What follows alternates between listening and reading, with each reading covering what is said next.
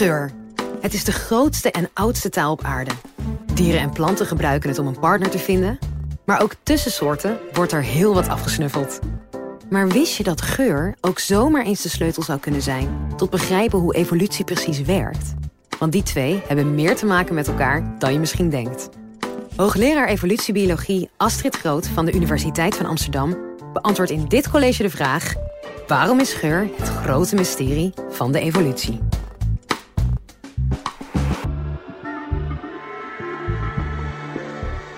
Heb jij je wel eens afgevraagd hoe muggen je zo gemakkelijk kunnen vinden s'nachts... terwijl je juist niet het licht aan hebt gedaan? Of hoe bijen bloemen kunnen vinden? Of wat honden allemaal wel niet ruiken? Of misschien ben je zelf ook wel eens opgewonden geraakt van een geurtje... of juist heel erg afgeknapt. Ik ben evolutiebioloog en er is één ding wat mijn hele carrière al fascineert. Geur. En waarom? Omdat geuren in de natuur een cruciale rol spelen. Het is de oudste vorm van communicatie in het leven. Niet alleen binnen een soort om een paringspartner te vinden, maar ook tussen soorten. Zoals tussen die bloemen en bijen, tussen vogels en insecten en tussen bomen en schimmels. Die weten elkaar te vinden of te vermijden juist en te begrijpen door middel van die geuren. Maar hoe is dat zo gekomen? En hoe veranderen geuren? Ongelooflijk genoeg heeft de natuur op dit gebied nog heel veel geheimen en mysteries. Allereerst, wat zijn geuren? Geuren zijn signaalstoffen die worden uitgescheiden door een individu. Dat kan een mens zijn, maar ook een plant of een schimmel. En die signaalstoffen worden opgevangen door een ontvanger, wat dus ook weer een dier of een plant of een schimmel of een bacterie kan zijn. En de communicatie die daardoor plaatsvindt, noemen we chemische communicatie. Als die geur anders is dan normaal, dan kan het effect hebben. Bijvoorbeeld, die ontvanger vindt die geur niet meer lekker. Dan wordt die schimmel bijvoorbeeld niet meer door die boom aangetrokken, wat dus effect kan hebben op die insecten en de vogels die op of in die boom leven. Kortom, zo'n verandering kan een netwerk van interacties in de natuur beïnvloeden. De evolutie van geuren draagt dus bij aan de biodiversiteit op verschillende vlakken. Want als de chemische communicatie tussen bij en bloem verandert en ze niet meer tot elkaar worden aangetrokken, dan zal dat effect hebben op vogels, de natuur en zelfs op mensen. Als je begrijpt hoe signaalstoffen uitgescheiden en ontvangen worden, dan begrijp je dus veel meer van die interacties tussen die soorten. Maar hoewel chemische communicatie de grootste taal op aarde is, is het mega mysterieus. Er valt hierin nog heel veel te ontdekken.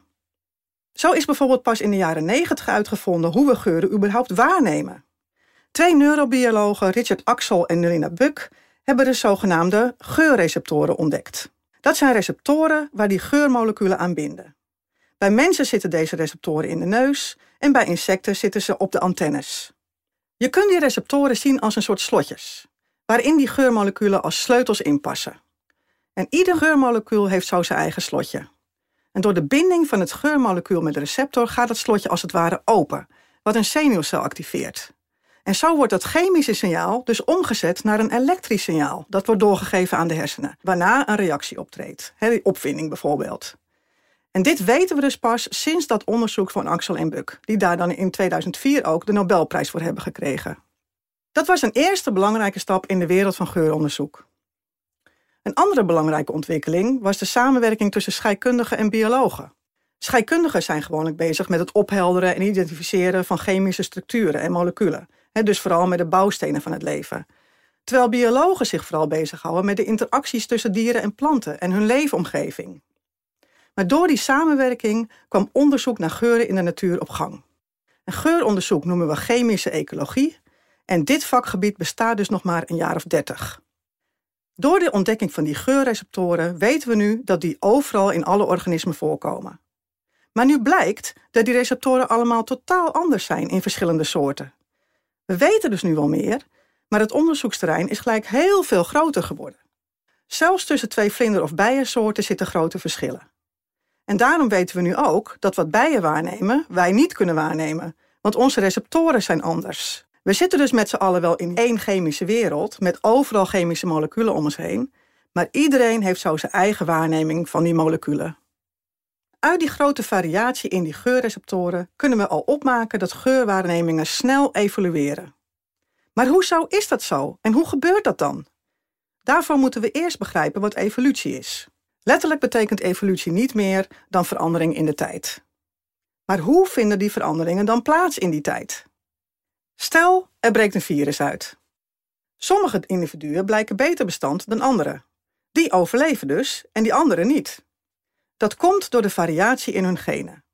En de overlevers die paren dan weer met elkaar en zo ontstaat er dus een populatie die aangepast is aan deze ziekte. Daarom is genetische variatie zo belangrijk. Als iets verandert, blijken sommige individuen genetisch bestand tegen deze verandering en dus meer aangepast. Daarom is in de landbouw een diverse genenpool ook heel belangrijk. Als je bijvoorbeeld maar één type bananenboom of één aardappel of tomatenlas laat groeien, die niet zo goed tegen luizen kan, en dan breekt zo'n luizenplaag uit, dan ben je gelijk de klos. Dan ben je dus je hele oogst kwijt. Het belang van die diversiteit en variatie geldt voor mensen, dieren, planten, schimmels, bloemen, bijen, anything. En seks draagt bij aan die diversiteit.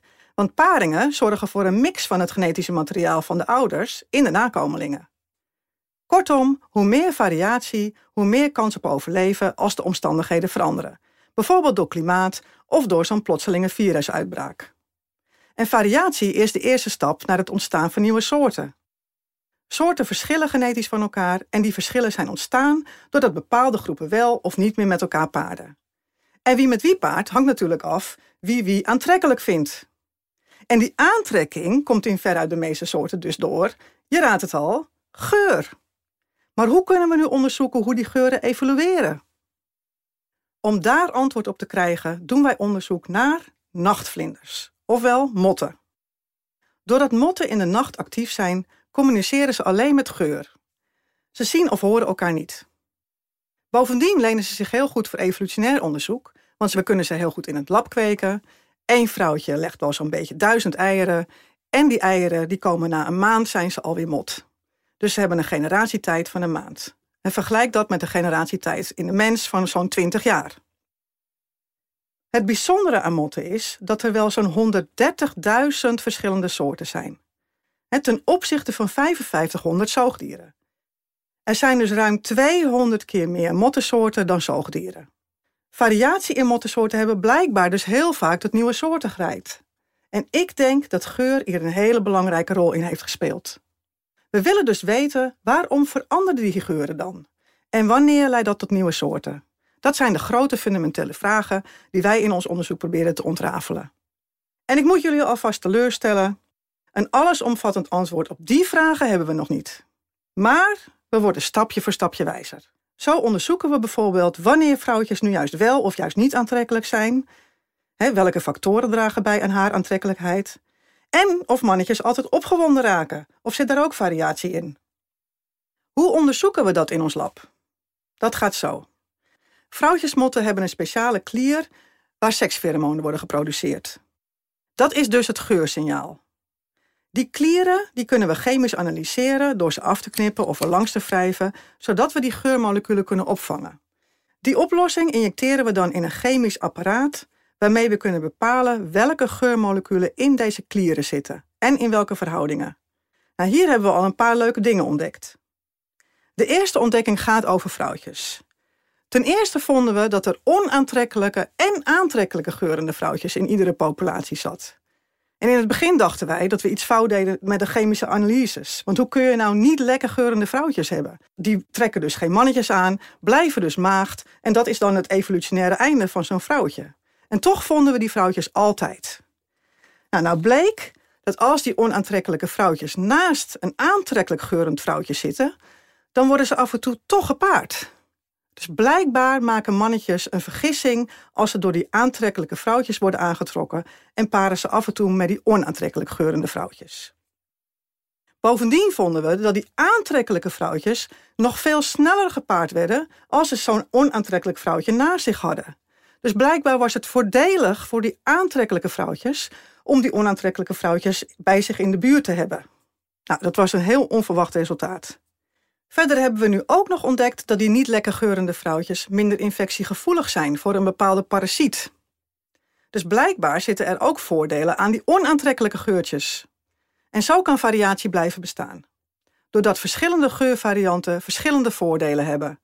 En dat betekent dus dat geur, ook als hij niet zo lekker is, kan bijdragen aan je survival.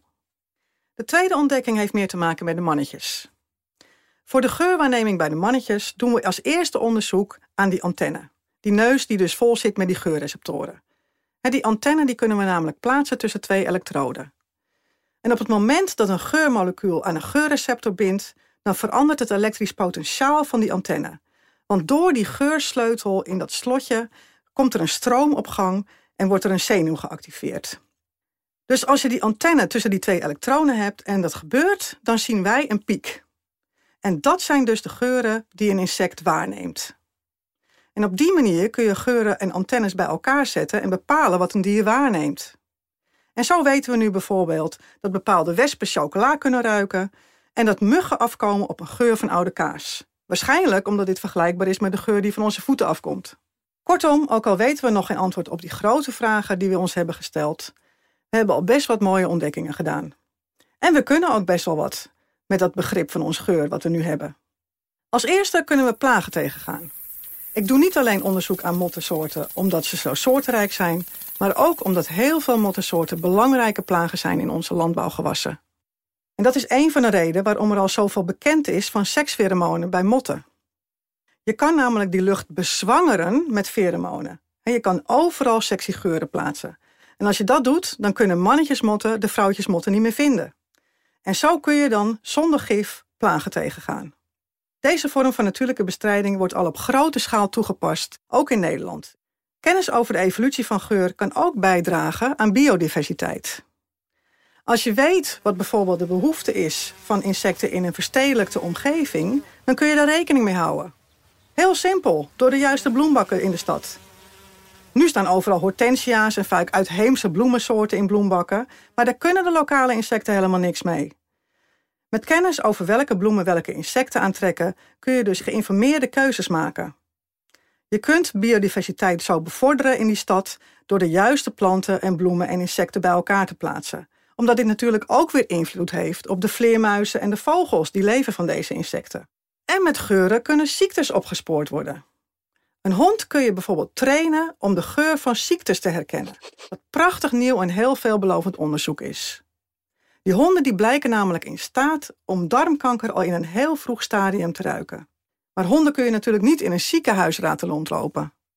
En wij zijn nu aan het onderzoeken of we een combinatie kunnen maken van een mot, een vlieg en een keverantenne om zo de geur van bepaalde ziekenhuisschimmels waar te nemen. Nou, als dat zou lukken, dat zou toch fantastisch zijn. Kortom, hopelijk heb ik duidelijk gemaakt dat geuronderzoek een fascinerend terrein is waar nog heel veel te ontdekken valt. En dat kennis over evolutie van geuren belangrijk is om het netwerk en de biodiversiteit van het leven te begrijpen. Bedankt voor het luisteren. Vond je dit een leuk college en wil je meer afleveringen van de Universiteit van Nederland horen? Check dan de hele playlist en vind het antwoord op vele andere vragen.